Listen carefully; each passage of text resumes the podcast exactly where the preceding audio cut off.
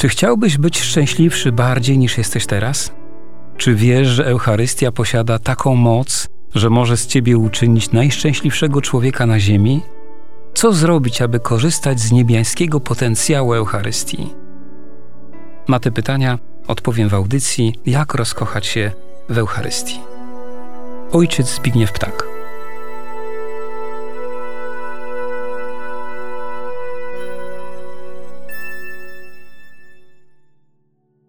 Dziękuję Panu Bogu za to, że daje mi możliwość kolejnego spotkania z radiosłuchaczami naszej jasnogórskiej rozgłośni. Już od kilku miesięcy dotykamy krok po kroku tajemnicy Mszy Świętej.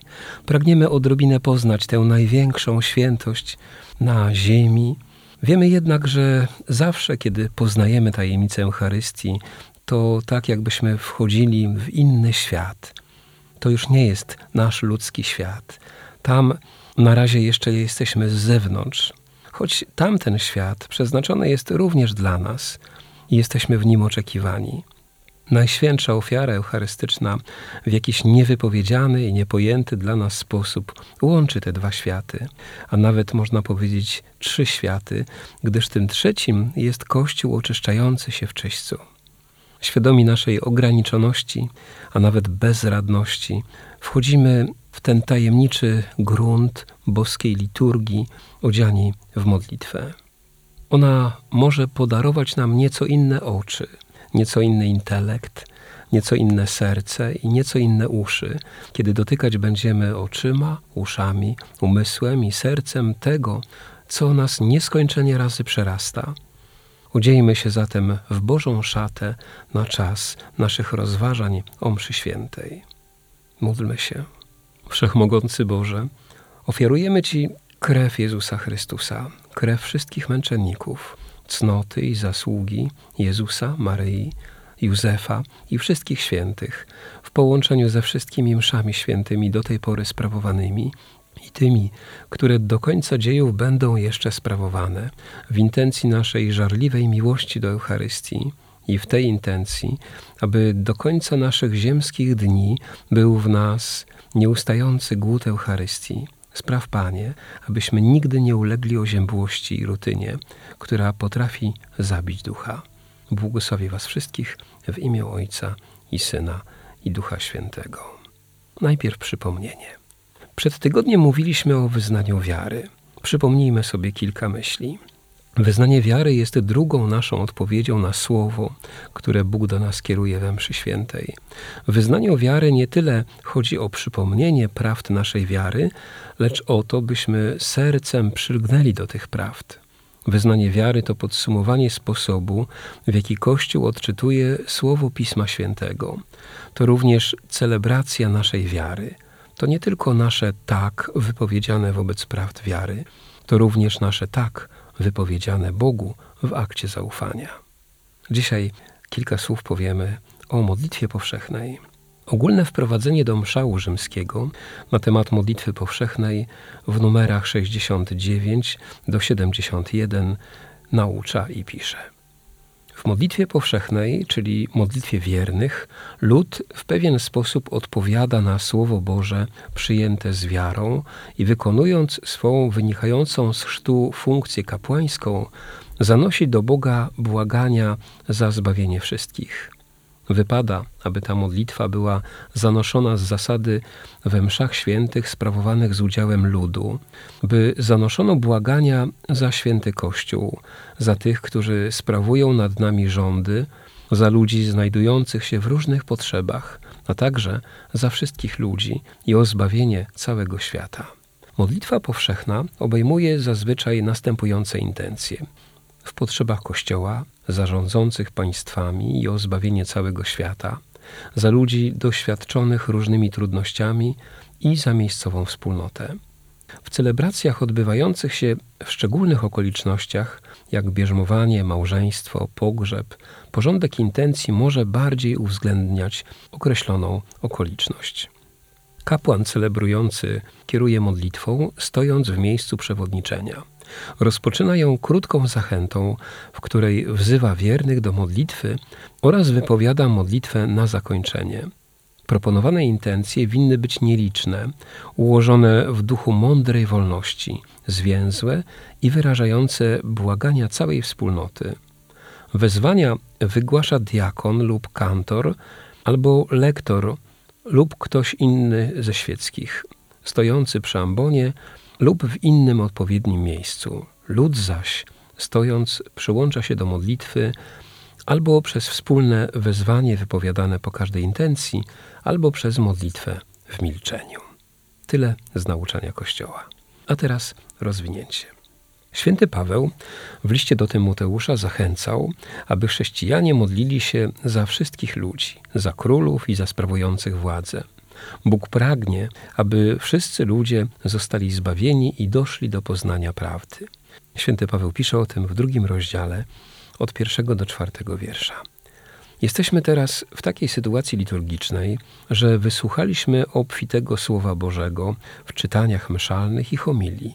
Nasyciliśmy się nim, a ono prowokuje nas do odpowiedzi. Próbujemy teraz realizować to słowo w modlitwie za tych, którzy cierpią na różne sposoby. Modlitwa powszechna jest pierwszym we mszy świętej darem ludu kapłańskiego dla tych, którzy są w potrzebie. Każdy uczestnik liturgii winien mieć świadomość, że staje wobec innych jako kapłan z chrzcielnym darem kapłaństwa powszechnego. Modlitwa ta nazywa się powszechną, gdyż wyraża się w niej powszechna, czyli katolicka, uniwersalna troska o każdego człowieka. Ona nie może zamykać wspólnoty tylko na własne potrzeby, lecz winna otwierać na cały świat. Wszystko, co wypowiadamy w tej modlitwie, zostanie za chwilę podczas przygotowania darów zaniesione na ołtarz wraz z chlebem i winem. W modlitwie powszechnej Kościół podobny jest do Jana Apostoła, który podczas ostatniej wieczerzy spoczywał głową na piersi Jezusa. Modlitwa za bliźnich w tej części mszy świętej to piękne rozszerzenia serca i jakby wzięcie w siebie nieszczęść, trosk oraz potrzeb bliźnich, aby im jak najskuteczniej pomóc. Modlitwa wiernych przekracza czas i przestrzeń. Ogarniamy nią wszystkich ludzi, cały świat, a nawet teraźniejszość i przyszłość. Prowokuje nas ona do zamiany naszego egoizmu na troskę o całe stworzenie, które wyszło z rąk Bożych. Modlitwa powszechna jest głównym aktem liturgicznym kapłaństwa, które posiadają wierni. Jako osoby ochrzczone posiadają oni udział w kapłaństwie Jezusa Chrystusa. Dzięki temu mogą zwracać się do Boga Ojcze. Życie na tym świecie oświecone i ukształtowane przez to, co dziś wiernie usłyszeli w Słowie Bożym, wyposaża ich w wiedzę, o co mają się modlić. Warto przypomnieć sobie raz jeszcze, że zawsze, gdy kierujemy do Boga nasze modlitwy, to sam Chrystus przedstawia je Ojcu w niebie w mocy Ducha Świętego. Tak więc po naszym wypowiedzeniu modlitw Chrystus sam zbiera te nasze wołania i czyni je swoją własną modlitwą. Z tej racji, że modlitwa powszechna zamyka liturgię słowa, gdyż po niej od razu rozpoczyna się liturgia eucharystyczna, można ją sobie wyobrazić jako zawias, dzięki któremu przenosimy się do następnej części mszy świętej. Sprawowanie kultu, jak pisał Abraham Heschel, to widzenie świata w świetle Boga. A to może być czasami niebezpieczna rzecz, gdyż będąc bliżej Boga, człowiek staje się bardziej wrażliwy. Więcej rzeczy go boli. Boli go zło w nim i zło w świecie. Otwieramy jednak przed Bogiem naszą bezradność i ból, dlatego że wierzymy, że On czułym sercem słucha nas. W liturgii starożytnego Kościoła przed rozpoczęciem modlitwy wiernych proszono tych, którzy przygotowywali się do przyjęcia chrztu, o opuszczenie świątyni. Oni wprawdzie słuchali czytań mszalnych i homilii, ponieważ nie byli jeszcze ochrzczeni, nie byli też zdolni do uczestnictwa w kapłaństwie powszechnym. Postawa wewnętrzna. Dotyczy ona dwóch bardzo ważnych elementów modlitwy powszechnej. Pierwszy związany jest z naturą tej modlitwy. czyli wierni mają świadomość, że są obdarowani darem kapłaństwa powszechnego, wstawiają się za ludźmi, którzy są w potrzebie. Taka jest natura chrześcijaństwa wstawianie się za światem, i taka jest również natura kapłaństwa. Tak więc każdy uczestnik liturgii winien pamiętać, że nie przychodzi do świątyni na Eucharystię, by wstawiać się tylko za swoimi bliskimi i swoimi sprawami, ale ma pamiętać także o tych wszystkich, którzy są w różnych potrzebach. Drugą sprawą, która dotyczy postawy wewnętrznej, o której ciągle musimy sobie przypominać, to moc modlitwy. Zwykle jest tak, że modlitwa posiada większe oddziaływanie niż uważamy. A jeśli jest to modlitwa wspólnotowa w trakcie Najświętszego Spotkania, jeśli nasze modlitwy zanosi do Boga Ojca Jezus Chrystus w Duchu Świętym, to taka modlitwa jest zawsze wysłuchana.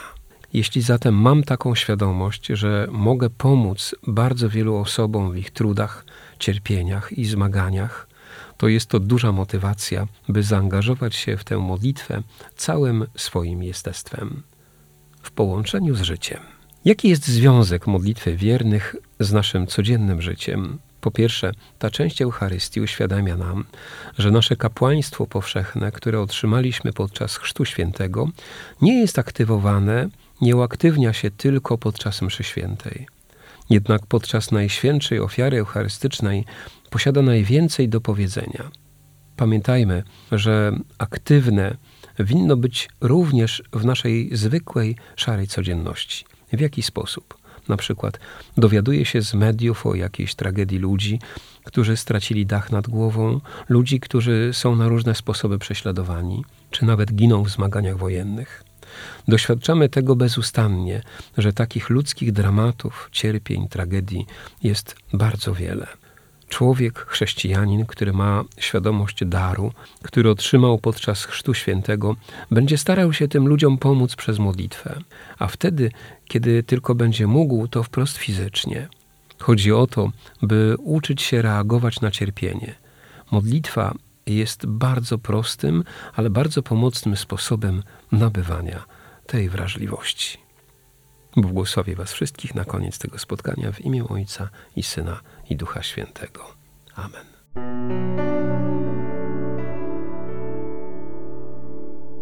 Czy chciałbyś być szczęśliwszy bardziej niż jesteś teraz? Czy wiesz, że Eucharystia posiada taką moc, że może z ciebie uczynić najszczęśliwszego człowieka na ziemi? Co zrobić, aby korzystać z niebiańskiego potencjału Eucharystii? Na te pytania odpowiem w audycji Jak rozkochać się w Eucharystii. Ojciec Zbigniew Ptak.